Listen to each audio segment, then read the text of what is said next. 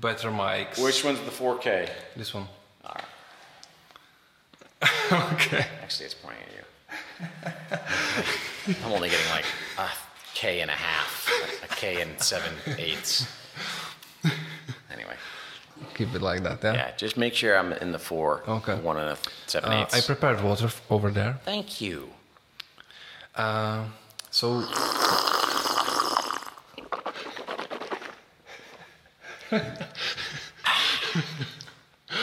Sorry, what? Okay. Ahoj, já vás zdravím u dalšího dílu pořadu Jsem kouzelník, tentokrát je to 12. díl a mým dnešním hostem je Damien Odes Gillette. Hello. Jenom vás upozorním, v tomhle rozhovoru budeme mluvit anglicky, nebojte se, připravím vám tam titulky. Uh, Damien mluví česky, ale samozřejmě či, cítí se líp v angličtině, což chápu, takže uh, bude to o to zábavnější. To doufám. Děkuju. Děkuji za pochopení. Lidé, možná můžu trošku mluvit česky, odpovídat na vaše otázky třeba, ale když budu se vyjářit správně, tak English je lepší trošku. Děkuju.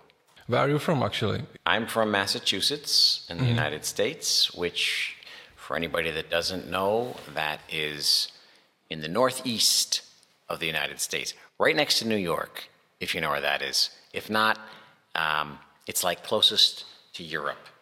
Like, this is the United States, here's Massachusetts, here's Europe. It's right on the water. Oh, okay, so the, like the line, if you're gonna make line from, It's, know? if you, in fact, if you made a straight line from Massachusetts, you could, you could walk from Massachusetts into the ocean Okay. You could literally walk into the ocean. If you just go straight, you'll hit Czech Republic. I'm pretty sure it's straight line because the weather's the same. So that's I'm basing Okay, okay. basing the latitude on the weather pattern. It's exactly the same. It was not difficult to transition Okay, to okay. Czech. Uh, here, I think a lot of people are thinking about America, like uh, how great is there. So why you are here when all other people wants to be there?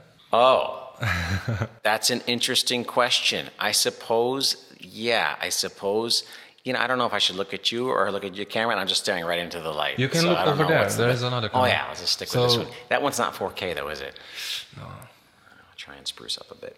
There. Full HD. We'll get full HD. All right, Yeah, yeah. I'll have to be happy with, with that old-fashioned camera.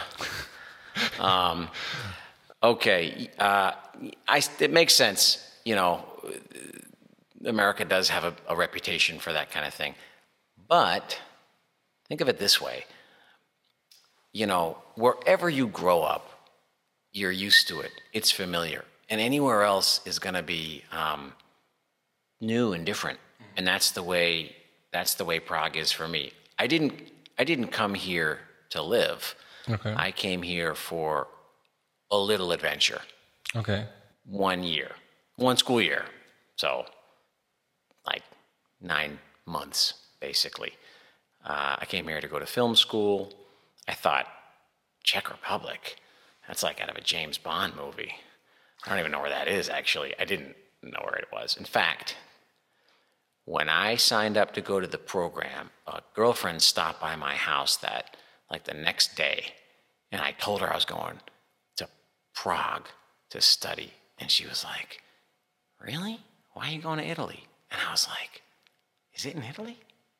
I crap. so that's that just shows you how ignorant I was, and all my friends were. Okay. Um, so yeah, so I came here for this program just to see something new, and um, fell in love with Prague first day. You know the cobblestones. First day, yeah? First day, yeah. The the taxi picked me up at the airport. So far, so good. But when he dropped me off, um, our program was on. The office was on Revoluční. Yeah, yeah. So he was like, and I get out, and it's like cobblestones. Am I at Disney World? You know, I look around, and it was like amazing looking. I just felt really good. Sometimes you go to a place, a new place, and you feel really good. I've been to other places that I, LA, for for whatever reason, I get I get a, the taxi at LA, and I'm like, I hate this place. I hate it. Okay. Some places are like that. New York, I love it. That smell, it smells like garbage, but I love it. There's something about it that speaks to me. And Prague was one of those places. It was very, very beautiful. And the year went wonderfully. And um, I didn't want to leave at the end of this school year because when you're in school, you know, you don't really get a chance to get out enough to see the city enough to really feel like because you're so busy all the time. And um, so I extended my studies. I did another year. Holy crap! Somebody's trying to reach me. Hold on. It's, it's not live. It's not live. It's not, no. Hold on. Hold on. Just hold on. No worries. Sorry. Oh, Mr. Important Man. It's phone calls in the middle of his fancy YouTube interview. so I stayed. So eventually that turned into very attractive work opportunities that just got better and better. And eventually it just became home. So people do ask me that. They're like, why would you come here? And I'm like, I, you know, I, Going home is not nearly as interesting. Every day here is somewhat of an adventure. There's always a challenge with language, there's always a cha- challenge with culture, and that makes things so much fun in a way. Um, it's a beautiful city. There's no city anywhere that I know of that's as nice as this. I don't wish to live in any other city. Forget about the US. I mean, of course, there's nothing even similar, even close to what Prague is like in the US, not even close. There's other cities in Europe that are somewhat similar, but not to my, to my mind, not as perfect as as, as Prague. So Okay. I, I hit- feel like I hit the jackpot with with Prague, um, and I have a great setup. I have great work. I have great people around me. It's a beautiful place to live. I wouldn't change it. Okay. So what uh, was your work? Was uh, my, I think uh, are you a magician like full time? Yes, I'm a full time magician. It didn't start like that. I came here to go to the film school. That's what drew me. I was into film. Originally, I was into acting as a, as a child and as a teen. And then as an older teen, I became interested in, in making little movies before YouTube, by the way. We had these big cameras. That you put a VHS cassette in there and, and you edit it by stopping and then recording again. Okay. So I we had a little um, like a high school production team, me and like my four best friends, and so we made these movies, which led me to want to go to film school. So that's how I found out about this um, FAMU in, in in Prague. And then when I wanted to stay afterwards, I was starting to think, well, I got to make some money, and doors opened. To be perfectly honest, you know, it kind of like I said before, I've been places where I've gone there and doors have just closed, and I'm like, fuck, this is not working out for me. Oh, can I say fuck on YouTube? Yeah, I can say on YouTube. Um, and you know, and I was like, it's really difficult to stay, and that wasn't the case here. In fact, it was the exact opposite. So I needed money, and like, without even trying, you know, people started asking me if I could tutor them in English. I was like, I guess I don't even know how to tutor, but I know how to talk English. So that led to one income stream, and um, I began acting. And acting had been a lifelong hobby, but I'd never lived in a production city such as Prague. Okay. And so, just by dumb luck, I bumped into a woman who was a casting director. She was like, You, come to my office. I think I might have work for you. So I was like, Okay. So I went there, and almost immediately I started acting in um, television, television commercials, and some small. Um, Here in Czech. She right here in Prague Okay. right here in Czech. And then money started to flow. And shortly after that, I began doing magic shows. And I did those three things. I had those three income streams. And I could speak Czech after a little while. So then I was doing some small, some little translations here and there and little things. But that's how I was making a living that way. And long story short, I suppose I didn't make it that short. Could have made it shorter. 15 years later, magic has been the thing that has established itself as the most consistent, fun. I mean, oh, teaching English was also consistent, but I got tired of it. Um, and when magic took over, I was able to stop teaching and just do um, acting's the one that's not consistent. Magic is consistent.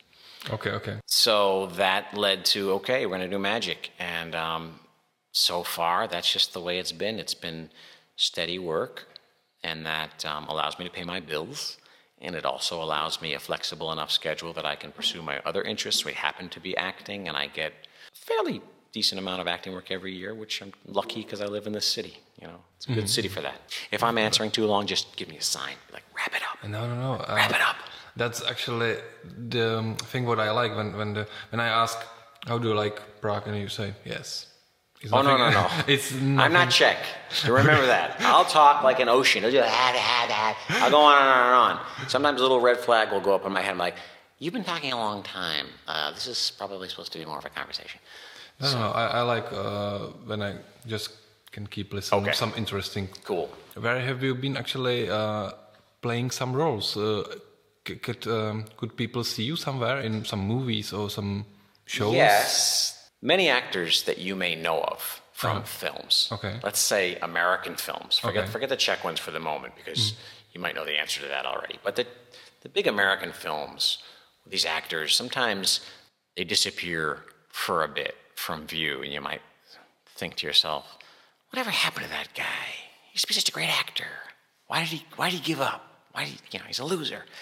The fact is, is that many of them just continue acting, and they might not be doing, you know, the stuff that all the A-listers are in. They might be doing theater. They might be doing some other project that's related to acting. Okay. But actors make their living doing a variety of things that are sort of all related to the field of acting, but it might not always be in full view or in the, in the spotlight in the big movies.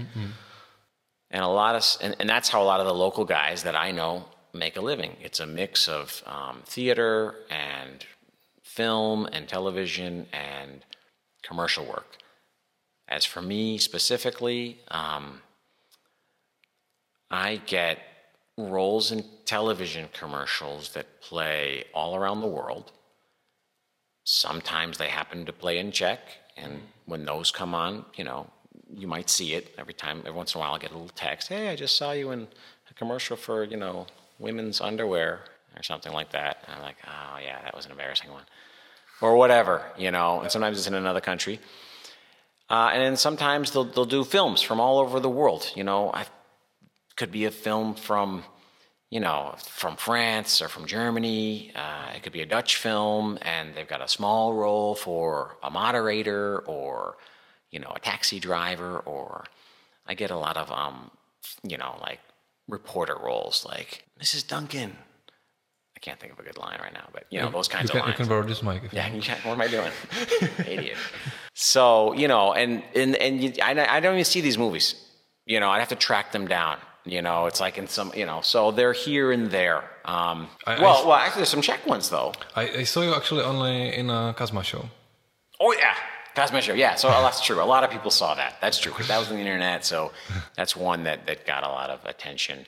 Um, every once in a while, I get something in a Czech production, so my friends here can see it. There have been some Czech films recently, uh, Toman and Zlatý Podraz. And there was an, even an episode recently in Modrý but don't go look for it because it's awful. Uh, no offense to Modrý but it's my fault. I did not do well in that one. Toman, it's quite a new f- new movie, isn't it? Yes, I mean, yeah. But I thought you, you quit with those stuff. You, No, you still I quit teaching English. okay. I'm a full time magician. By that, what I mean is I pay my bills and all my living expenses in magic. Okay. That's what I, that's the thing that, that's what I survive from. Uh-huh. Which isn't to say that the acting roles that I get don't help. I just mean like, I don't, I don't like worry about if I'm going to get an acting gig or not, you know, but again, because this is a, this is a rich production city. I mean, there's stuff all the time. Um, I've been fortunate enough to work in this industry on a fairly regular basis, but not. I don't depend on it. That's what I'm trying to say. That call was we're going to shoot something tomorrow for a Macy's commercial in the U.S. You know, Uh-huh, okay, stuff like that on a regular basis. I'll probably never see it. Nobody will ever see it. You know, but they're going to give me some money. Cool. You know, so. So how did you get, get to to Kazma show? Actually, did, did you know him before? No, I didn't know him. I didn't. If I knew him, I probably wouldn't have done it. Um, just kidding. nice guy. But when they called, when they when they when they called me and they're like, "Do you know the show?" and I was like, "No," and they were like, "We're gonna show you some of the episodes. You get an idea." And when I saw it, I was like, "I don't know, guys. I don't want to. I don't want to piss anybody off." Like, no, no, no, no, no. We're not gonna piss anybody off. It's all in good fun. And like an idiot, I was like, "Okay." Well, things didn't go exactly as, as you know laid out in the storyboard, but it was a fun job. It was fun to work with everybody. It took a lot of cooperation and a lot of like hoping that things were going to go well, and they kind of did. Uh, the way they found me, Um, that's another thing. Once you're in probably any industry, and certainly the film industry, long enough, and I've been here for oh, about 15 years, things start to kind of happen um, a little faster, a little bit more automatic.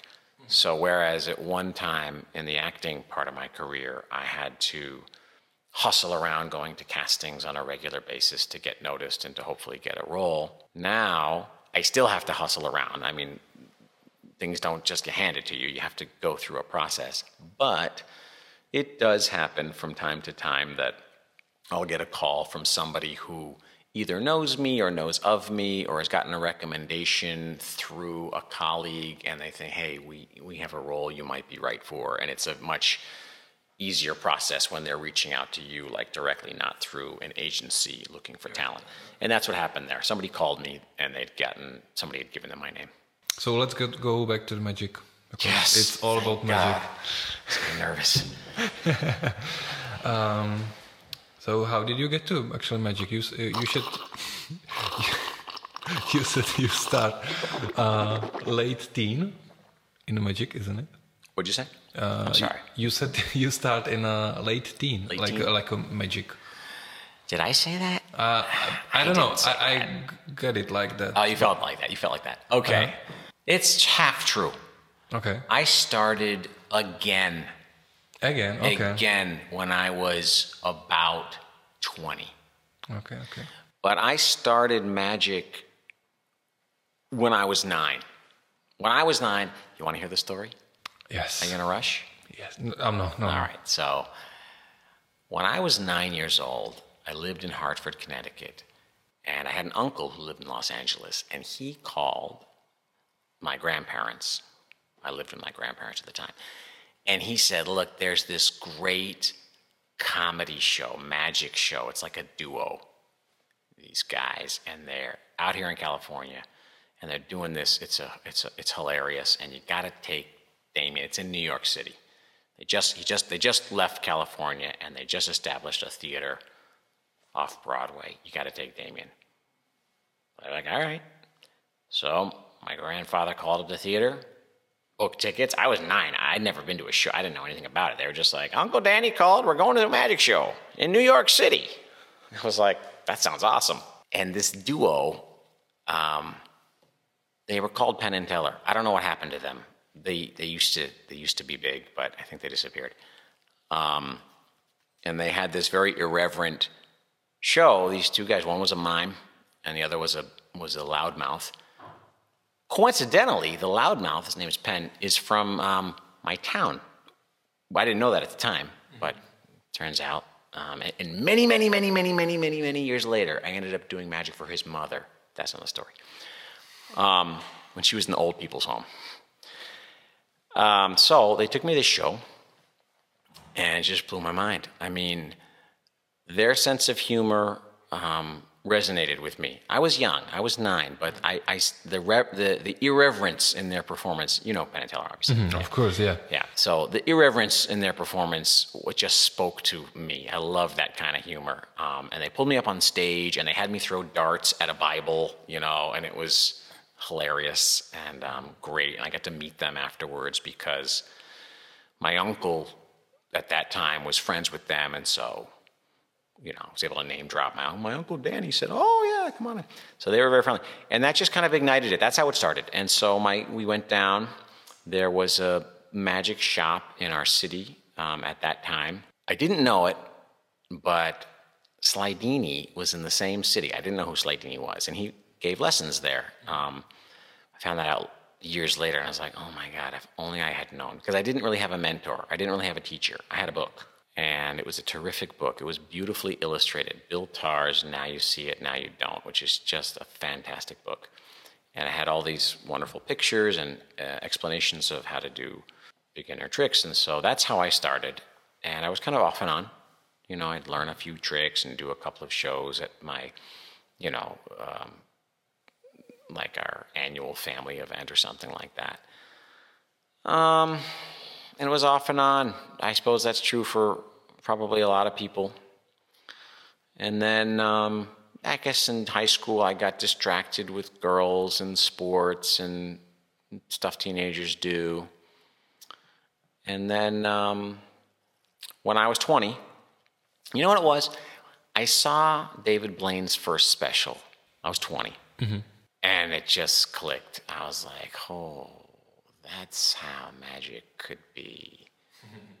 like, up until that point, it had been very kind of opaque to me, like how, other than like doing, like, what do you, you know, how do you do it in a way that's interesting and not cheeseball? Yeah, that's kind of the turnoff. But he was cool, you know, so that, that reignited the interest. And that kind of dovetailed with me moving to Europe. Before I came to the Czech Republic, I lived in Switzerland. Mm-hmm. That was my first foray into living outside of the US. And as I was preparing to go, I was thinking, you know, it'd be nice to dig up one of my hobbies and just to really buckle down and learn something. And I had kind of worked it out in my mind that I should learn something that I can offer at parties, something to contribute at a party that can make people have a good time. And I narrowed it down to maybe learning to play the guitar or maybe learning some cool card tricks or coin tricks.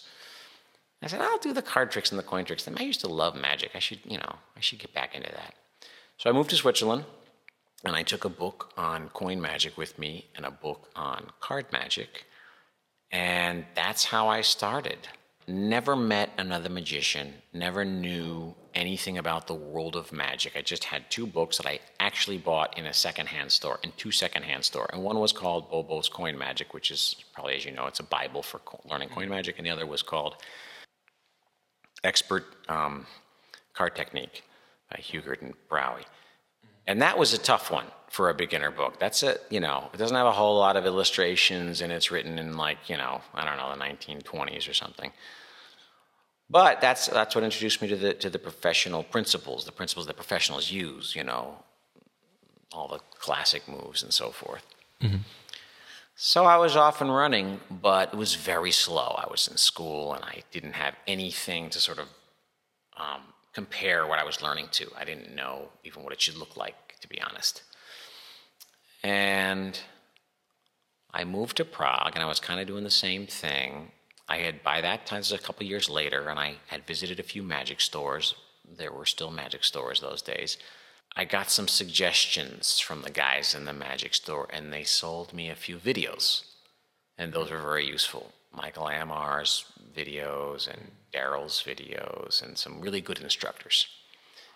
Then my mind started to kind of get a slightly bigger picture. I was like, okay, so there's these guys that go around as adults doing magic, and they look so doofy. I can't imagine doing it the way they do it, but but the, effects are really good. But they're really doofy kind of guys. So it was still far off for me. It was still just like something you show at a party in a little corner. That's kind of what I was doing. And um, and then what happened? Well, I guess a few things happened kind of all not at the same time, but they all kind of affected each other. One is, should I keep going? Am I talking too long? So It's one- still cool. all right. So one is I was sitting at a bus stop here in Prague. It was like my second year here, if I'm not mistaken. And I was starting to learn Czech. I was taking Czech lessons, and I was sitting there at the bus stop, way out in the middle of nowhere. I don't know what I was doing out there. And there was this big posters, one of those posters. I don't know if they still have these, but they used to put these up where they had like the whole month's worth of um, advertisements and activities in all these different clubs. It was like a big Yeah, calendar. yeah, yeah, yeah, You still have that? I think so. Yeah. Yeah, you know, and they put them in the bus stops. Yeah, you know, yeah. and you can go through. And I'm just sitting there, kind of half asleep, waiting for the bus, and my eyes are looking at this thing, and I saw something. It was an ad for a magic show, and I'm sure it was all in Czech, and I don't think I even knew the word for magic show in Czech that early, but there must have been something in there I recognized. It might have been like a magic wand or something. And so I, I copied down the, and there's going to be a show at the Acropolis Club, Okay. if I'm Okay. not mistaken. This was like 2004 or something like that. And um, I went to the show. I was like, yeah, I'd love to see a magic show. This is going to be awesome. Uh, it wasn't. So what was it? It was It was a magic show. Um, it was, it was horrible. I, it was, it was much worse than the doofy guys I'd seen on the videos. The guys who were doing it were very enthusiastic. It was a bunch of kids doing stage magic, young teen, young, young teenage boys for the most part doing stage magic. And afterwards, um, they came out into the lobby and they were chatting, and one of them invited me to come. To They have a regular meeting that I could come and check out. Mm-hmm. So I went to the meeting, and the meeting was kind of weird. It was all in Czech, and there wasn't you know, like you know people kind of ignored you, which was a weird thing because in the states they're they're more like they take you in and all oh, that that and they, they, they everything's translated and they yeah but here it's just like yeah you can come and sit down and just try and follow along. And I was like, oh, what's really going on? Mm-hmm. But I did get that this is a club of young boys who met to talk about magic and it had some kind of structure. And that was, um, they called themselves Kim, which was also very weird for me because Kim is a woman's name for me. So why would you call a magic club the Kim Club? But I didn't realize at that time all the cultural um, meaning behind it and the words and so forth. And that was a that was a um, fortuitous meeting because that's where I met um, Ondra, Shenichka, and um, I met all the boys there Ray and Martin and Arisha, and of course Yarda, who's the um, chairman, and there are some other boys there that have kind of gone on to other things. That's kind of how I got connected to a community. Mm-hmm. Okay. And, um, and, and, and Ondra was starting to collect books and videos, and he would lend me things, and then my, my worldview quickly expanded, and I got a, a, a fuller picture of what the possibilities were. And I said earlier, I is going on, I'm so sorry. I said earlier there was a few things that happened at once, but the other thing that happened was that woman that I met, who was the casting director. Mm-hmm. So the reason I met her was I was at a party and I was doing card tricks. Okay. And she was digging it. And then I started to get work through her in these television commercials. And that's when the light went off. And I thought, you know, you want to live as an actor. At that time, I thought I'll just keep acting. You really need to sharpen your performance skills from all angles. And you can't refuse a performance. Because up until that time, I didn't really feel like I controlled the environment when I performed magic, not enough. Mm-hmm. And I needed to control the environment for me to feel comfortable. So I had my three or my five tricks. But what do you do when they ask you to do it again in this corner or the next party the same people you still have the same three to five tricks. Yeah. and, I, and, I, was or what do you do when they say you know can you come next week? We're going to have a birthday party. There's going to be a, all the kids will be there. They're all turning six. Can you show some tricks to the kids? And i was like no. I don't know how to entertain kids. They would not like these card tricks. I'm sorry. It's totally not my thing. And i'd come up with various reasons to sort of beg off. We say beg off. It means like to, to politely refuse. Mm-hmm. but when i started working in television I thought, you know, you can't be a fucking pussy. If you're gonna be an actor, you gotta just be like, man, I'm like, yes, I will fucking get up there and sing and dance, and I'll pull out the cards, and I'll do whatever I gotta do to make this work because you gotta sharpen up the skills. So that was the impetus. And I decided, okay, you're gonna buckle down and you're gonna learn a ton about magic. And so I took all the money that I was getting from the commercials and I invested in a magic library. Okay. And at that time, it, I didn't quite understand how to get things shipped here. So I had, and it was expensive. So I just ordered everything and had it shipped to my parents' place in Massachusetts. I went home in the summer and I got a big suitcase and I brought it back. And I kept doing that year after year, just buying, buying through the year, scooping it up, bringing it back, and then spending the whole year going through all the materials reading, watching, and playing with toys to figure out, you know, and I made lists of the types of performances because I began to get this idea that you should start working as a magician as well. You should you should design programs that you can offer for sale and you know go in that direction. I was like you should learn to perform for children. So I invested in all these books on how to perform for children. You should learn how to perform on stage. I didn't know how to do on stage. How do you do a card trick on stage? Like, how do you make that work? Because we're keep in mind, I'm coming from an acting background, so. I instinctively understood that you can't stand on stage and do a card trick. You're going to lose your audience. Um, and I was like, how do, how do you do it? You know, so I had to buy a bunch of books on theory and what's the, how do you, you know, what's the approach? And I had these four areas. Parlor magic is kind of how you, we talk to it, to, we refer to it. Close up magic, magic for children and families, and magic on the street, meaning busking. Busking, yes. Okay. And these four areas, I, I, I, divided them and I bought materials and books for each one, and then slowly developed programs for each one. It took a long time. Mm-hmm. But after maybe three years, I had made a lot of progress in those areas and was starting to get these, these programs together. And that's kind of how that started. What the fuck was the question? I totally forgot where we were. We were talking you, about you actually I, start somewhere like oh how did how I become a magician? Yeah, was a teenager, a magician, right? Yeah. So right, so like that. we got to here, uh, and I had the programs, and I was off and running, and all of that was just so I could be a better fucking actor. And eventually, it dawned on me: acting fucking sucks because you can't, you don't know when you're going to get the, get the next gig. And then I realized that the, what I've been building with the magic is is working better. So I just was like, this is the thing that's going to be, and the acting will just You've been talking about some hobbies that you've been thinking uh, to take to the parties or something like that. So, do you have some hobbies like you playing guitar or? Oh, that's funny. When I thought about that magic, when I, when I decided to take the magic books, it was only be it was 50-50. And I was like, you know, it'll be easier to take these two little books than to take a guitar to Europe. Okay. And that's kind of how I decided it. But I said, so I'll do these magic tricks for a couple years. I'll get down some good ones, some good tricks that I can do at the party, and then I'll switch over to the guitar. Okay. I forgot to tell you that. Yeah, I was like, I'm gonna get back to the guitar because that, that I'd really love to learn how to play some music, and that'd be great. And I'll, I'll get to that. And I never got to it. I mean, it's just every year the magic got deeper and deeper. It was like a it was like a pit. I thought it was a simple.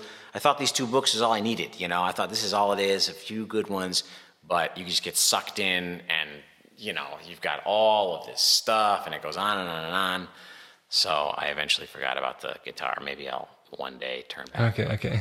That's it. So do you have any other hobbies?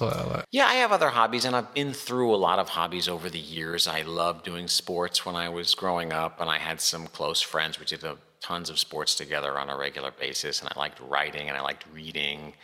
Um, but currently, and I like cooking. I've always liked cooking.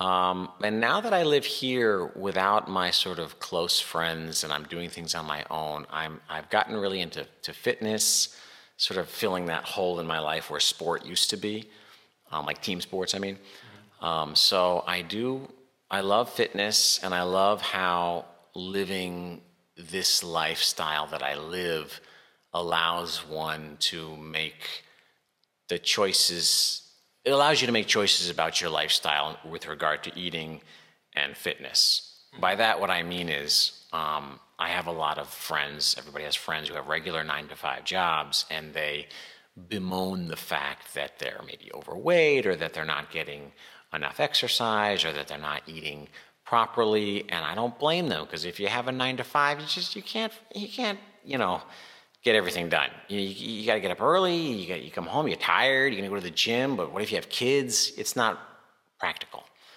But I'm very lucky. I'm not in that situation. No kids. No nine to five job. So um, yeah, I, I enjoy preparing healthy meals, getting exercise. I feel like there's something that I'm missing, and I I don't know what it is. Um, so you know, I like following comedy. I think that if I if I didn't do magic, I would have probably gotten more into stand-up comedy. That's another thing that I've always loved. But okay, but uh, your magic is kind of uh, stand-up, isn't it? Well, I try and make it. I try and make it as entertaining as possible. Uh, it reminds me of a conversation I was having recently with a buddy of mine. Magic, for me, is really just a vehicle to communicate with people. Mm even on stage, I'm really just trying to communicate something. And I really think all, all great performers are just trying to communicate something about themselves to their audience. Uh, it doesn't have to be magic for me. You know, it happens to be magic. I love magic. Mm-hmm. It could be acting. I can imagine it could have been stand up comedy. It could have been something else artistic. Um, and so, what I'm trying to say is, it's not so much the trick which is important to me, it's more what I'm getting across to the audience and the style that I'm choosing to get it across in. And as you said, it's humorous. I hope that it's humorous. I want it to be light. I want it to be funny. I want them to laugh. I want us to connect on some kind of heart to heart level. And for me, the easiest way to do that is through comedy. Some people are really good at connecting on a heart to heart level through drama. Mm-hmm. They, and even in even you see that's true in magic. I yeah, mean, yeah, true. They, they can create a, a moving story, a moving presentation. Um, and I've never been good at that.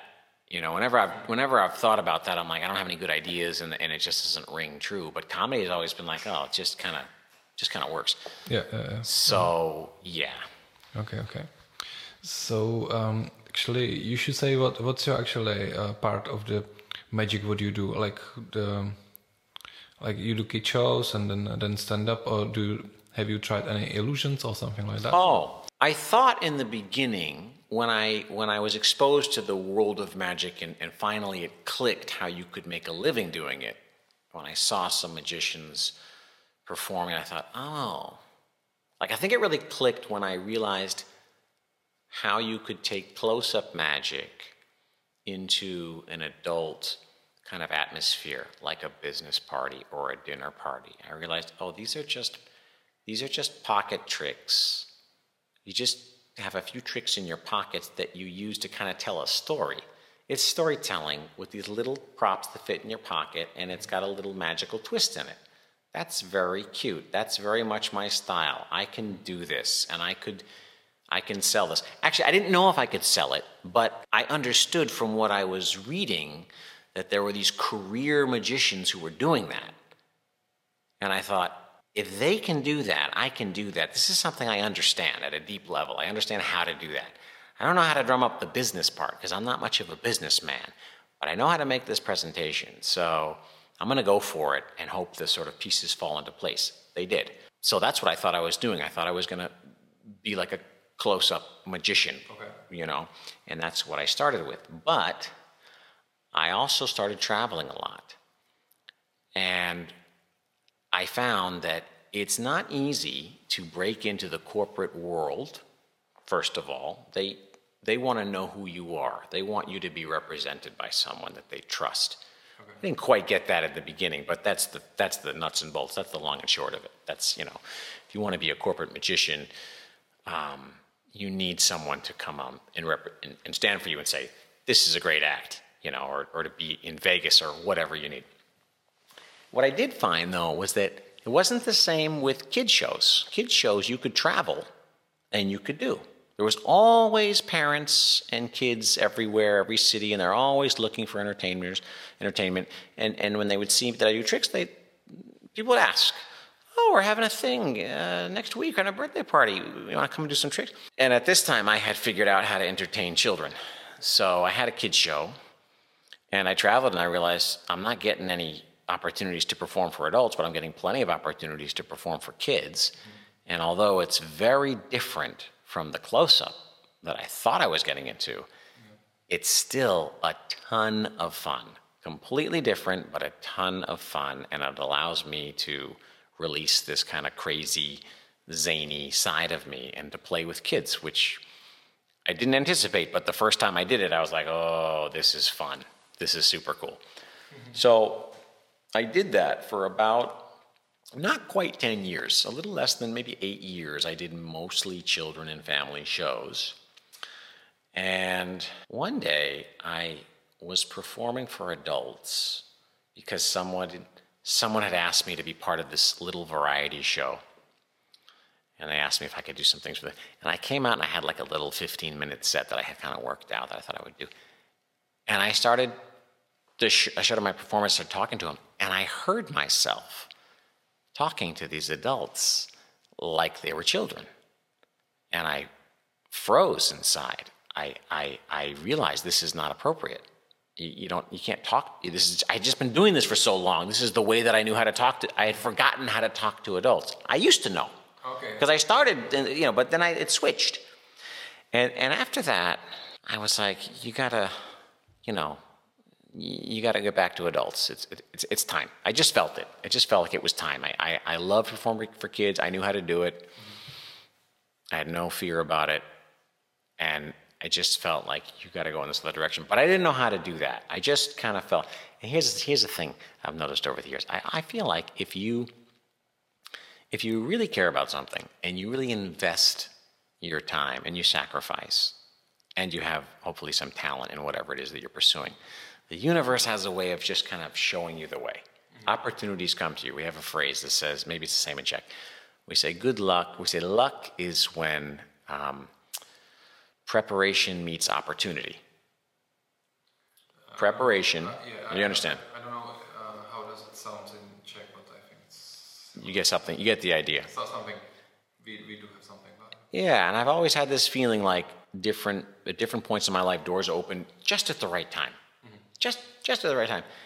And it was just after that that um, I I started a relationship with a manager that was able to get me into more corporate stuff, and that's been terrific. So that was six or seven years ago, and um, and so eventually I just let the the kid stuff behind.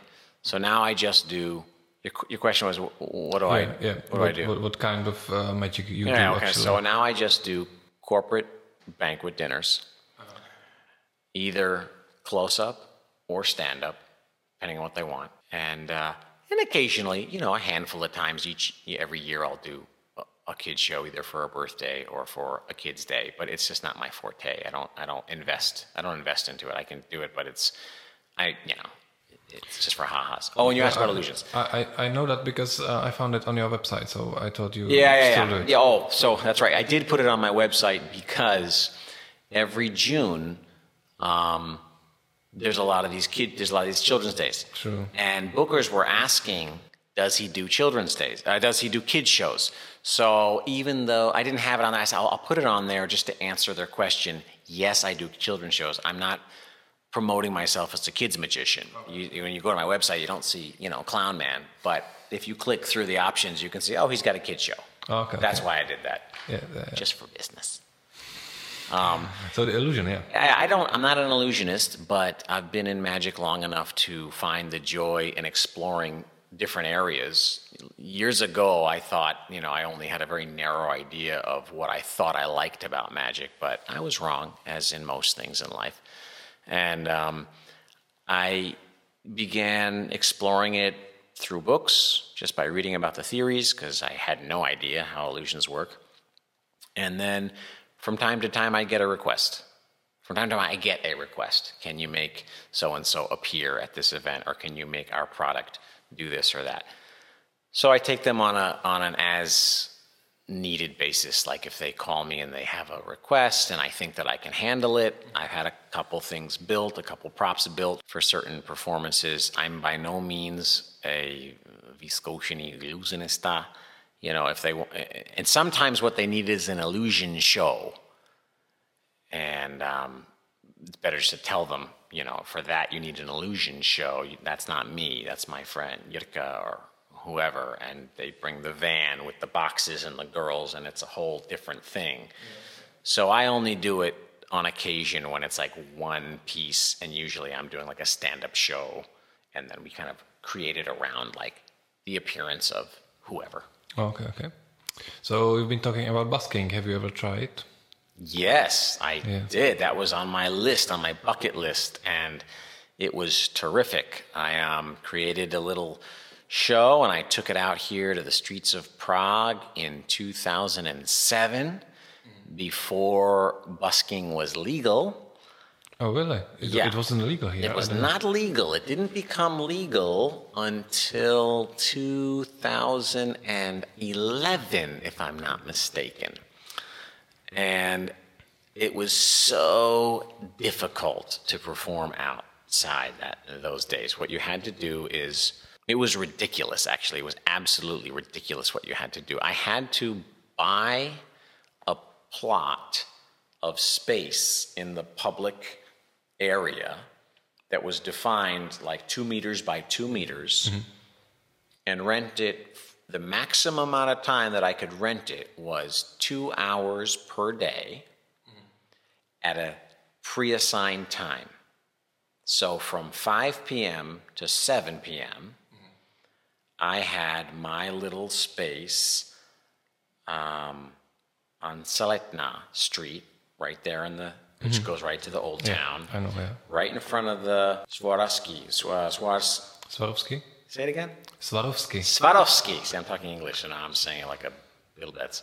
Swarovski, which was beautiful because they had those crystals behind me, and I saw some photos of me, and it looked really nice with the crystals behind me. So I did it there for my two hours, um, and then I did a road trip across the U.S. And um, we just drove with my brother. We took like two months. We went very slowly, and we performed in the cities on the corners. He played guitar, so he would be on one corner, and I'd I'd be on my corner with my. I built a magic table, um, and um, I did the standard busking routines that a lot of people do, and I just had a terrific time. And then when I then I got to LA, and I bussed in LA for about eight months. I stayed there for about eight months, and I and I worked on Third Street Promenade, I guess it's called, in Santa Monica, which is wh- which just a big strip where all the buskers are. And um, I had a great time. I don't know if you know Cosmo is. Cosmo's a not Cosma. Cosmo. Cosmo. Cosmo is a well-known busker magician in Okay. the U.S. And um, he stopped by once and watched my show and gave me his tips, which was fantastic. It was wonderful to get coaching from him. And there was a couple of the guys that I. The thing about busking, I say this: every single day that I went out to the street to busk, something interesting happened. It's a wonderful thing about busking. People stop, they talk to you after the show. Every single time I met somebody, and it was so interesting, and we would talk, and we'd exchange numbers, and we'd keep up, and I've got friends from that time, and you know, people would photographers would take my picture and then send me the photos and it was a wonderful experience it was it was a deep passion of mine before I, I really wanted to learn how to use magic as a way to stop people from what they're doing and draw a crowd and just entertain them in the middle of a city i just thought something about that was so romantic and it spoke to me on a deep level and i thought you know if you suck you are not going to be good at that if you're not a good performer, you're not going to be good at that. It's not going to be easy to stop these shoppers and these people who are going to work or whatever it is, and, and that's your job. And it was a wonderful challenge, and it was so much fun. But I did it for about two seasons, two years, two cycles through the seasons. And I realized that it's a really grueling, tough way to go. And if you want to be successful on the street, it's hard to do it without developing kind of a somewhat calloused personality, a bit of a tough shell, because anything can go down on the street. Anything can go down. People do crazy stuff. Drunks do weird stuff. Not drunk people also do weird stuff. And you, you develop kind of a, a battle mode. Like you, you realize that your job you think that your job is to entertain them with magic, but what you realize is that your job is to separate them, separate your audience from their wallets, from their money. Your job is to separate them, to get them to put that money in your pocket. And it's a it's a huge strategy, and it's a little bit different than just kind of performing just just for fun. Um, and it's a little edgy. Why am I saying all this? It's because I was able to do it, but I was also aware that I don't know if I want to become that edgy of a person. Because on the rare occasion that I would get invited indoors, from that somebody might ask for my card or ask me to come entertain at their home, I, I realized I still had that edgy personality from the street.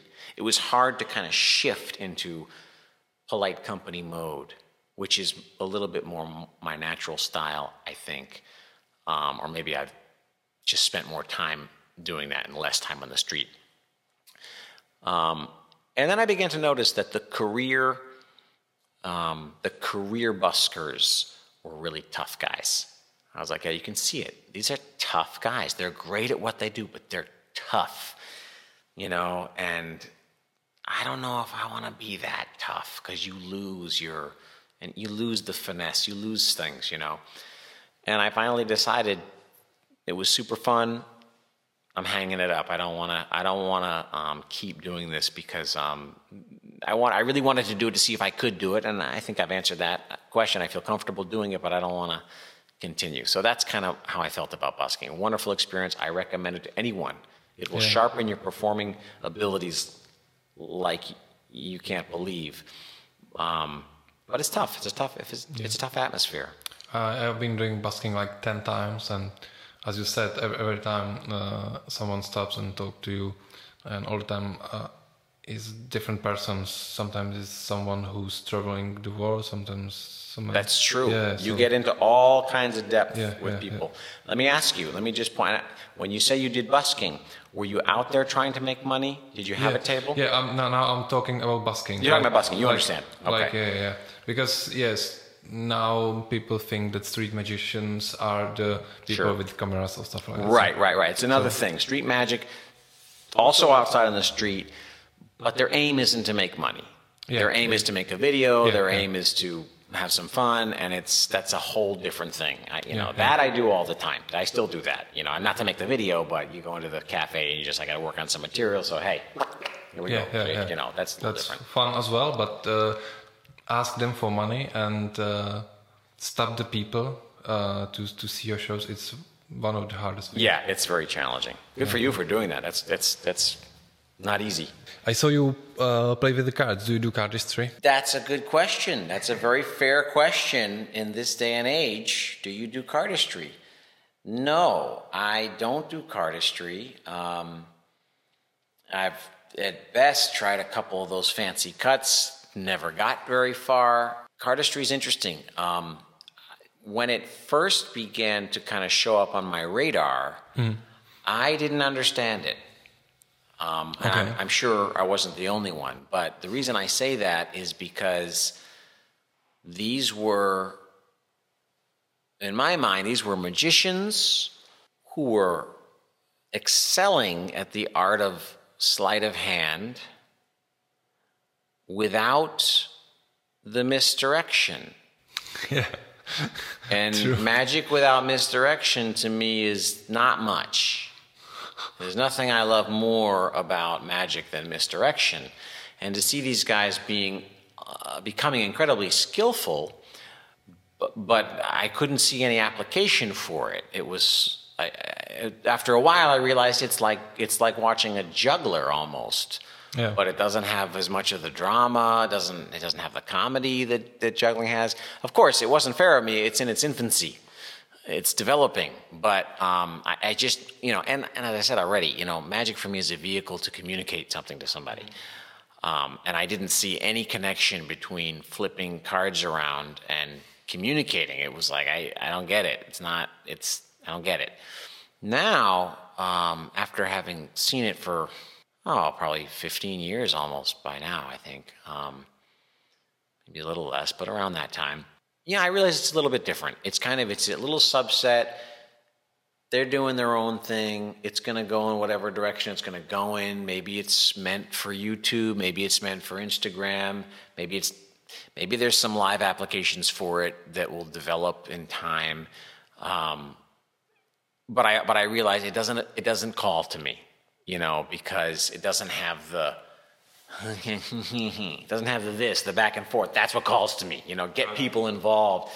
Eventually, there'll be some brilliant cardist who's going to come and he's going to figure out how to do this and get people laughing and cheering and blah blah blah. But at this point, it's all masturbation, and you know, I watch that on a different channel than YouTube. So, um, anyway, we just edit that. um, yeah, that's so. It doesn't. Yeah, that's it. You know, I, I I've learned to sort of respect them in their own little circle. I don't really, you know, I'll go look at it. You know, I'll watch it. I'll support them, but I don't have much. It's not much to offer. Okay, okay, okay. And uh, so, what I I think you met um, a lot of magicians from all around the world, isn't it? I've been very lucky, yes, Yeah? and I I'm meeting more and more, and it's very exciting. Okay. And so, um, how do you compare it to Czech Republic? How do you like the community here? And Oh, Yeah, great question. Um, well, I love the community here, and the community here is getting stronger and more unified and becoming more beautiful. Um, we all owe um, Ondra Pshenichka a big debt because he lives and breathes magic and he he gives everything to sort of raise up the level here in the Czech Republic. And without him, you know, oh my God, I can't even imagine what the state of magic would be like here. But it needs a unifying element, and and and it's. I see it becoming stronger and stronger each year. People know each other. You know, there's all these disparate elements to it. There's these because you can learn. It used to be if you wanted to learn magic, you know, you you know, you knock on the door of the you know the magic circle, and there's like all these old men. They invite you in, and they they they teach you bit by bit, and you go in a in a linear progression, and you learn what you're supposed to learn. Nowadays, people just and they just take whatever they want from the YouTube. One they just I take this, I'll take that, and they don't know how to use it, and they don't know if this comes before that, and it's a big mess. Um, and so you have all these people all by themselves, not connected, and there's not much unifying the group here because it's not a group; it's just random people who are into card tricks. But it's better if it's unified because. Um, there is a system behind all this, and there's a long history, hundreds of years old, that's been building step by step. And it's nice if we can sort of gather the people together and help people to sort of like smooth smooth over their rougher edges and introduce them to aspects that they might not be aware of. You know, there are great teachers of magic out there, but I haven't seen them on YouTube. You know, they they they write books and they have students and they and they lecture and you got to kind of get plugged in. So um, it's getting much, much better. You know, there's some long-standing, uh, there's some disadvantages that you have when you when you grew up in a country that's been closed off from half the world that that had access to the newest stuff. You know, and maybe you don't speak the language, and maybe that's the development is happening in another language. But on the other hand, it's very quickly catching up, you know, because the internet uh, um, is allowing people to communicate quickly. So I like the community. Comparing it to others, I don't know. I haven't lived in other countries. Like I haven't lived among other magicians. I see them at these events and and and uh, so forth. And I guess it seems kind of sort of similar. The, the, the cream always rises to the crop, you know, uh, the cream always rises to the top. Mm-hmm. You know, you go to these events and you see the guys who have really managed to sort of like um, stand out from the crowd from something they've developed or some ability that they've honed and things that they've practiced and so forth. But I, I'm more hopeful about the state of magic in the Czech Republic now than I've ever been before. I used to be much more depressed about it, to be honest. Okay. And, you know, don't get too excited. I'm still depressed about it, you know, but it's, I can also see that things are improving. You know, things are definitely improving. Um, and that's wonderful. And it makes me hope that in a decade or in two decades from now, you will continue to see, you know, this upward movement. Mm-hmm. I don't know if I've answered the question. Uh, I, I think yeah, you did. But uh, why did you came up with the gem? Uh, it's um, because you are part of the Kim. Mm. So uh, wasn't Kim enough? Or, I mean, like, why did you start it? Great question, and I'm so glad. Again, I have to credit Ondra. I hate having to credit him for everything. Damn it. Yeah. But um, that was his idea. Great idea. Um, I, I, should actually explain that uh, every Tuesday. Uh, yes. It's it was yesterday, isn't it? Yep. I, I wasn't there. I was there. Uh, every Tuesday, they uh, you you are the, actually one of the organizer there. Like oh, I maybe I'm allowed to have that title. It's really Ondra's project, but I'm yeah. happily his right hand man. So yeah. yeah. sometimes I take on the mantle of responsibility. And it's, it's, happening in Illusion Bar. Illusion Bar. But I don't know how to explain what what gem actually is because gem is marmelada. So right, right, right. To, oh well, okay.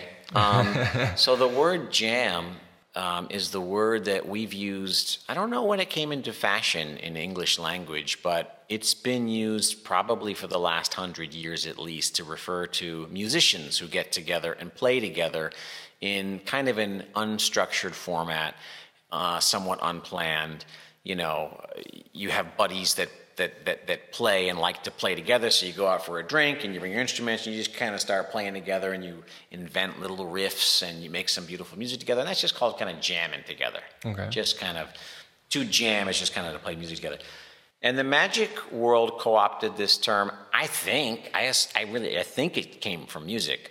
I'm not hundred percent sure, but it's my association with it. And at some point, um, the magic community took it on as well at these sessions that, particularly at conferences, you know, after all of the regular lecture sessions are over in the evening, people hang out and, and, and they show each other tricks, and, and, that's called jamming. You just share tricks and get inspiration and advice, and you do that anytime you're among magicians, not just at conferences, but mm that's a common place you could see it. And Ondra had the idea that we could offer that here. The reason it's different, the reason he came up with it as as opposed to Kim is that Kim and magic clubs here in the Czech Republic in general have a structure to them. Um, and in the way that you have here in the workforce, when you get hired at a new job, you go through a trial period here in here in the Czech Republic. Actually, it's not. We don't do this in the states. It was new to me when I moved here, but it's an interesting idea where you get a job and you know you got three months to sort of acclimate yourself and learn and become friends with people, and then at the end of that period, you sort of decide if it's going to go further. The relationship's going to go further, right? Am I, yeah. Do I understand that? Yeah, yeah, that's correct. Yeah. That's somewhat the same in Kim. You know, if you have an interest in magic and, and we want people to come, we want new blood, we want to train people, we want, you know, to, to sort of progress the art of magic forward. But it doesn't mean it's for everybody. I'm getting more comfortable with the cameras. I'm kind of going a little bit over here, a little bit over here. Hope that's cool. There's gonna be loads of cuts now. Ah, shit. I'll stay. Um, so, um, so you know, we invite people to come, and then there's a trial period. You know, where they get acclimated to us. We see if it's the right fit, if they're talented, if they have the right drive and the right combination of um, talent and skills and so forth. And hopefully it works out great, and then they become an official adept, okay. you know, and then and then if they're official adept, then they can train with us for a number of years until they can take their test and become an official member. And that's the way that works. Which just means that it's just not every Kim is open to everybody all the time, even though it's pretty flexible. Somebody's new in town, come to the club. You know, somebody's traveling through, come to the club. But Ondra saw that there's a hole there. What about people who don't fit into Kim? What about people who maybe don't even really want to join a club? You know, what about people that would be more amenable, which just means more open to meeting with similarly minded folks, i.e., magicians, in a bar, get yourself a drink, relax, no pressure, mm-hmm. watch, perform, chit chat, try and create that jam atmosphere so we can reach out to more people and make it a, a, welcoming thing. So that's it's different. It doesn't have the same structure as we have in Kim. We have lessons and programs and stuff. This is a little different. And so far, I mean, it's new. We've only had like four or five meetings, but it's been great. It's really nice to have another place to meet. And the Illusion Bar. That's another thing that's great. Almost a year and a half that they're open now and there, or it has been a year and a half, I think. I think so. And uh, that's been a success. I mean, they're still open. That's what I mean when I say success. Um, unlike this place, I don't know, a year and a half. We'll see. See if they last. Um, I mean, Jesus, we're the only guys in here. Um, but that's been great. You know, great place for us to. It's really caught on, and it's regularly uh, frequented by by magicians. So another another notch in the belt for the Czech magic community is the is the Illusion Bar in Palmovka or between Palmovka and Českomoravská tram stops, the metro stops. Yeah, yeah, cool. Banging through these questions. I'm, you're running out, son. Now I'm boom, lost. boom. Now I'm lost. Yeah. So, what do you think to people who reveals the trick on the internet or anywhere actually? Hmm. That's a fun one, isn't it? Yeah. Well, I don't think a whole lot about it. You know, it's sometimes it's hard to come up with a tidy answer to one of life's problems. This is one of life's problems. Yeah. Um, my tidy answer is fuck them, you know, ignore them. It's like you can't do anything about it. Mm-hmm. So don't worry about it. History has shown, in my own personal experience, but history has shown that it doesn't really matter that much uh, that people expose stuff. You know, there have been exposures on boxes of cereal and in comic books and in random products that have been sold over the last hundred years where they just give away sometimes really great secrets of magic. And the more I found out, the more I find out about it, the more I realize it's the same thing over and over. All the magicians get really upset about it. Understandably so. You know, we, we've, we, we understand why it's not really valuable to the spectators to, to reveal the secrets because they won't respect us. Um, so we, we get, our feathers get ruffled. But it all just kind of disappears and becomes relatively meaningless because all these things have been revealed in the past before and none of it has really made much of a dent in magic, which is something interesting to think about. It's like, oh, the secret's out there. Uh, nobody really gives a shit. Like they, they're happy to read it at the moment. Like, oh, this is cool. I want to know how he does that. And they read it, and now what? When's the next time he's going to actually see a magician? Maybe never. Maybe by the time he does, he's forgotten it. Maybe it's the wrong piece of information to apply to that. It doesn't really have any. Um, I don't see it having real practical damage on the on on anybody's career or anybody's performance. Generally speaking. Now that's not entirely true because I have had experiences Yeah. I was actually going to ask you if you had experience with some people who knows the trick. I have had that experience. I've had even the experience of people Googling a trick during my performance. Oh, really? During my performance. Sometimes it's, it's, it's, it can happen. You know, there's phones everywhere and there's clever people everywhere. And sometimes they're like, oh, well, I gotta look that up. And uh, worst case scenario, yeah, I've had people like, oh, yeah, I looked that one up yesterday. Oh, yeah. I think. What do you do? Yeah. What do you do? Well, you know, here's the thing. It's like, how much did it really bother me? How much did it really matter? Hmm. Like I said before, my job, my first job is to communicate something, is to share something, is to have a good time. If I'm doing a good job, somebody in the audience is so engrossed in it that they're like, I gotta figure this fucking thing out because it's driving them nuts. Okay, that option exists now. Didn't exist before. But it didn't really change that performance. And uh, it's not really changing my my income. So I don't really have to worry about that if that is a concern. For most people, it's not a concern because most people don't, most magicians don't work, don't perform for a living. Most of them just show tricks for fun. And it doesn't really ruin the actual performance most of the time. It's not like before I get to the end of the. Tr- so I, you know, I I don't know that it really matters. Oh, and the other thing is that it's pushing us to work a little harder as well. You know, you know the, the trick that that girl looked up years ago was Sam the bellhop, and I didn't go through the work to rewrite the story and make it my own. If I had done that, she would not have found my story on her Google search.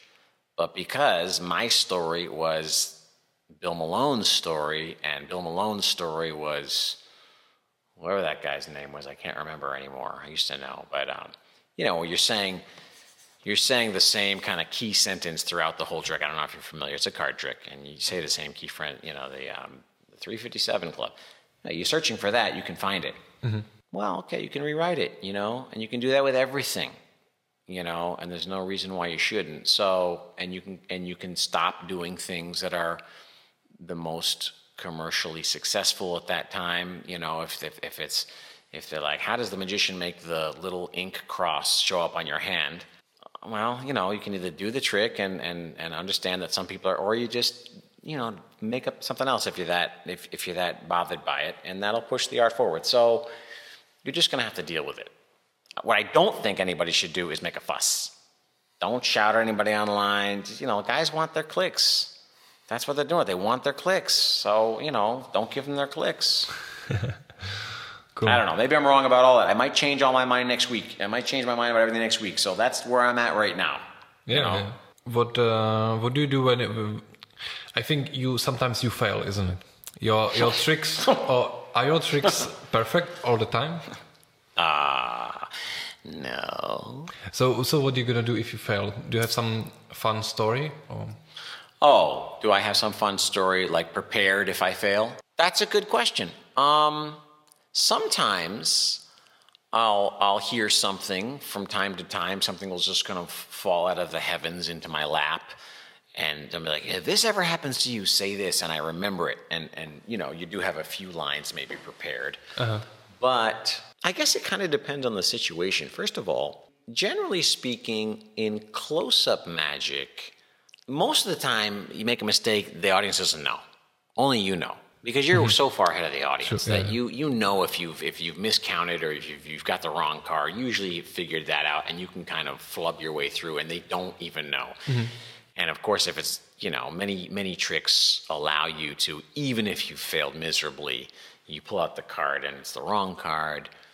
They don't even they don't even believe you you say you I missed that. I don't even believe that. They've you know they're like oh he's messing with you, and you, and then you find some other solution to it, and so there's a lot of times when it's not really relevant. The only time it's I suppose really relevant is if you blow something and you don't have a way to make it seem magical. It at this point in my career it doesn't matter. You know, it's like things fail. I'm lucky too. I have a I have a like you said, a humorous, light attitude towards what I do. Yeah, true. Um, it's happened before that I've done the newspaper tear and it hasn't gone perfectly. Even recently, I did the newspaper tear at a at a. I was in the illusion bar actually, and um, and the, the, the restored paper just kind of tore to shreds because I realized later I was an old. It was I should have changed the paper and it had weakened and it tore and it wasn't you know it was like, who cares? You know, I was just laughing through it and, and I made some joke. I don't know what I said, but well, here's a little diversion then. This is useful.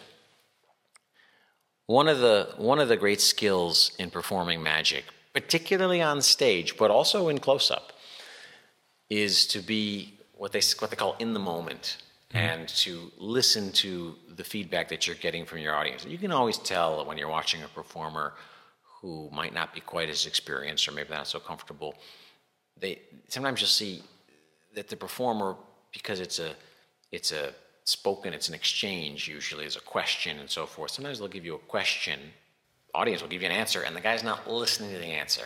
Yeah, yeah. He doesn't care about the answer, he needs the question for some ulterior motive, but he doesn't care about the answer. Mm-hmm. It's a little frustrating to watch that because you feel, oh, there's there's a disconnect. He's he's having the theater somewhere else from the rest of us, you know. Um, it's very good to listen to your audience.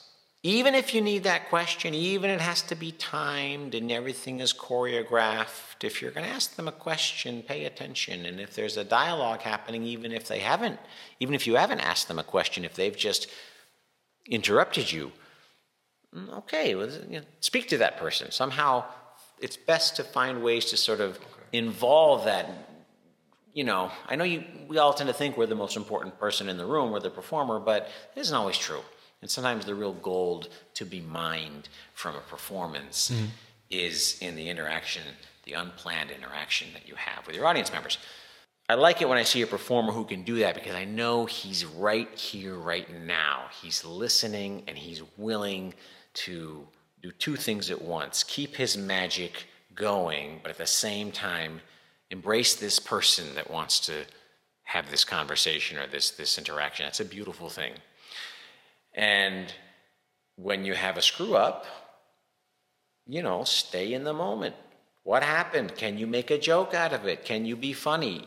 Sometimes you might have a prepared line. Sometimes you don't. I didn't have a prepared line, I don't think, for the newspapers, but it says something relevant, and it's a good reason to, you know, maybe do some acting classes, some improv classes to get your mind to free up a little bit and to be more comfortable. And it comes when you're ready. That's the other thing. Sorry, I was taking so fucking long. It comes when you're ready. That's the that's the, the point I made before. If that had happened with the newspaper the first time I did it, I would have melted. I would have froze. When I was like a kid on the stage, even when I was 20, I would have been like, oh my God, sweat.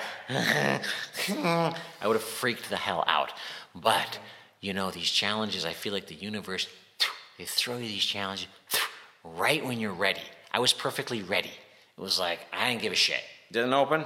It doesn't matter. We're still gonna have a fucking awesome time. Let's keep going. And just blah, blah, blah, blah, and it's it's nice for me. It's like it's a nice little challenge. Like shit goes, shit goes. So ah, who cares? So cool, cool. again, crazy answer. Sorry.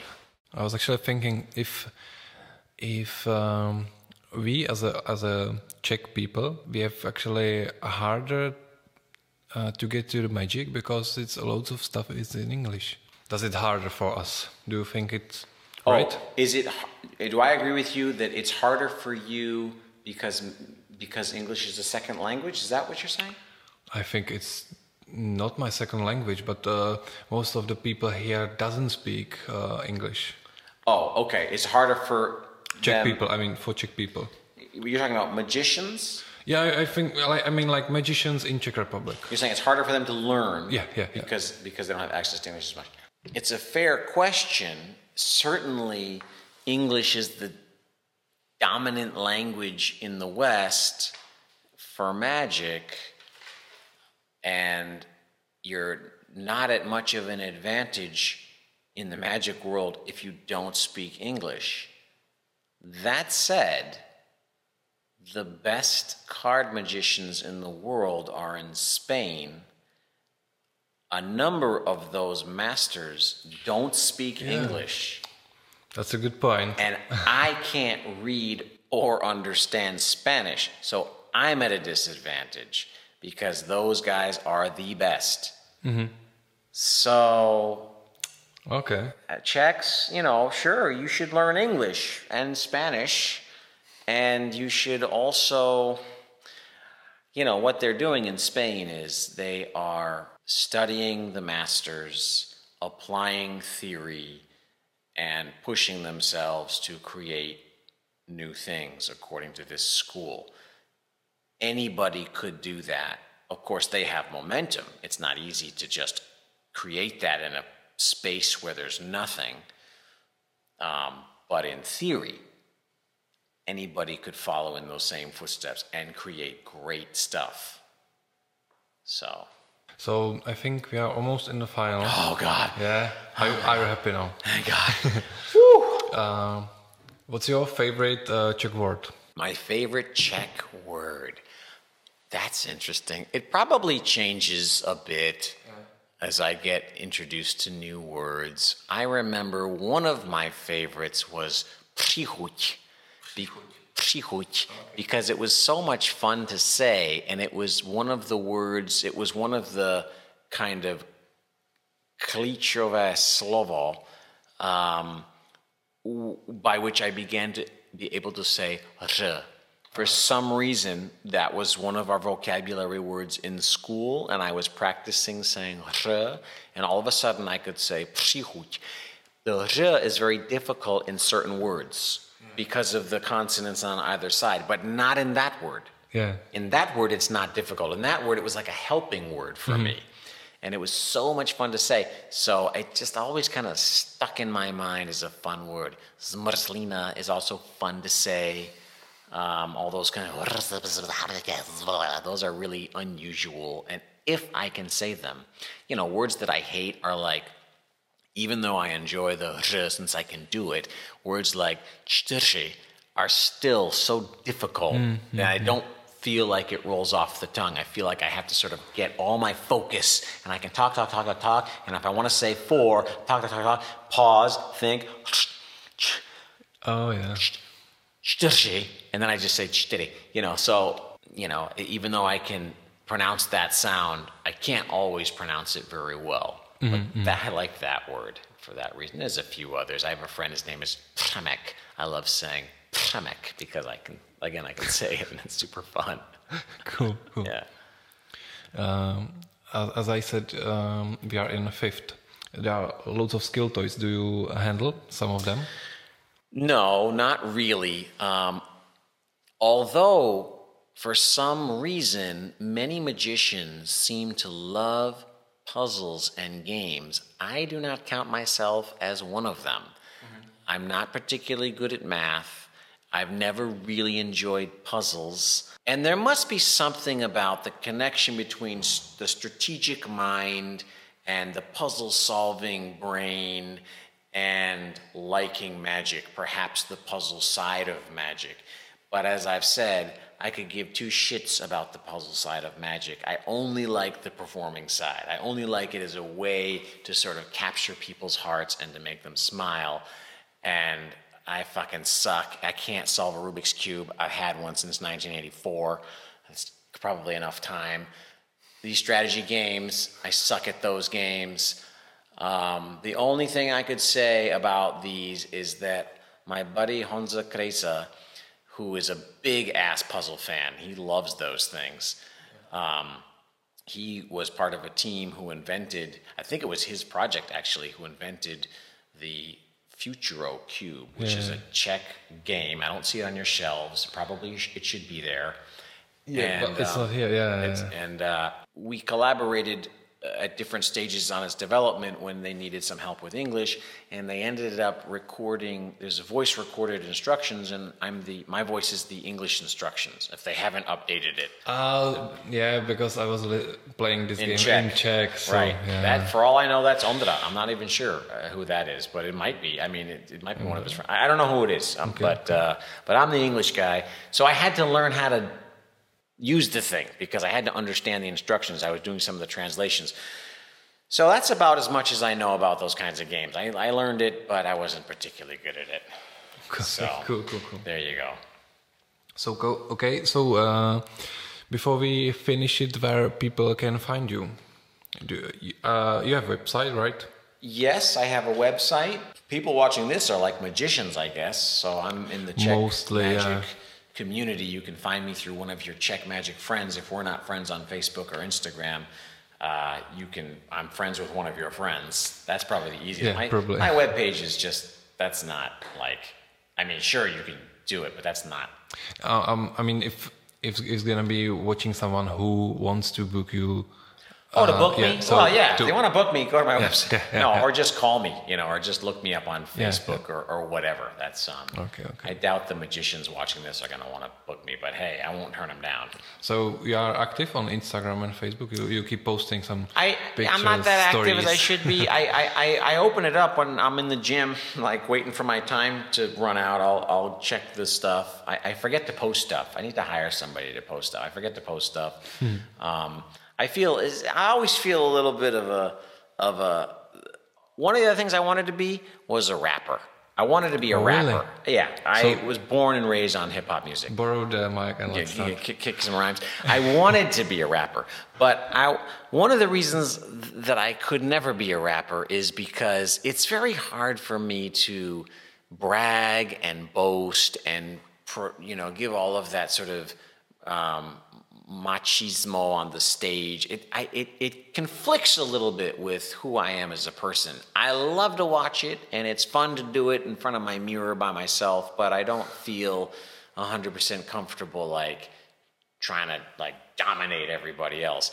And there's something about that with the Instagram and with the Facebook. It's all about me, me, me, me, me. And as I get older, it's like I get so tired of people just being like, here I am doing this, here I am doing this, because I'm like, here I am. D- this is stupid, you know. Who, who cares that I'm doing this? So I do put some things out there, but I try and like limit myself because I feel like, you know, don't be an ass. Put put some nice pictures of kittens and some funny gifts. Put something on there to make people laugh, which I do. But then I forget to put stuff about me. So I don't know how I'm going to deal with with with that. Okay, Um, okay. But the but they're up there. The accounts are certainly up there, and I respond to messages and that kind of thing. So. Cool, cool. Because I saw you, uh, your on your um, Facebook, you have some funny actually pictures there. Oh, thank you. There, That's what I'm there- trying to do. I'm trying to put some funny pictures up there. Awesome. Yeah, you, you keep updating uh, like yeah funny pictures That's of, good. of you uh, wearing some I don't know. Oh, of me like in clothing. Oh yeah, Yeah. that's true. That would be something. That's very much me. So that's your hobby? That's true. Wearing No, some- no, no. Those are those are those are pictures from productions that I'm in, like movies or, or something. It- that's true. If they put me in some funny suit, and they often do, I'll do a goofy picture because then I feel like I'm sort of splitting the difference. I'm updating the page, letting people know I I'm alive and so forth, but doing it in a way that doesn't make me feel ashamed or like I'm being an asshole or something. So eh, you know and then it's also it's a good way to remember those events for me. Oh yeah when i they dressed me up like a soldier from you know that war or they dressed me up like a banana you know so. That's probably what those are that you're seeing. But i've been lazy. I, I should i should i know i should i don't know how to i'm just not that good at the self-promotion. I'm not much of a businessman either. Oh well. Okay. Thank you for your time. my man thank you for having me on the show. Yeah. what a pleasure Thank you. Appreciate it. And if people are gonna have some questions, I'm gonna I'm gonna call you and say feel free I'm gonna ask you for them. Absolutely, absolutely. I'd be I'd be more than happy to, and if I can offer any assistance to anybody, then uh, it's my pleasure and honor. Thank Okay. you. Uh, also, uh, some magicians can see you in a gem, isn't it? Oh yeah, of course, of course. Come down. You guys should come to Jam Tuesday nights at the Illusion Bar for sure. And the Illusion Bar also has magic performances every Saturday night. I try and go to those when I can. I'm often working um, on the weekends, but when I'm not, and I perform there too. So if you wanted to catch a little show, that's one place.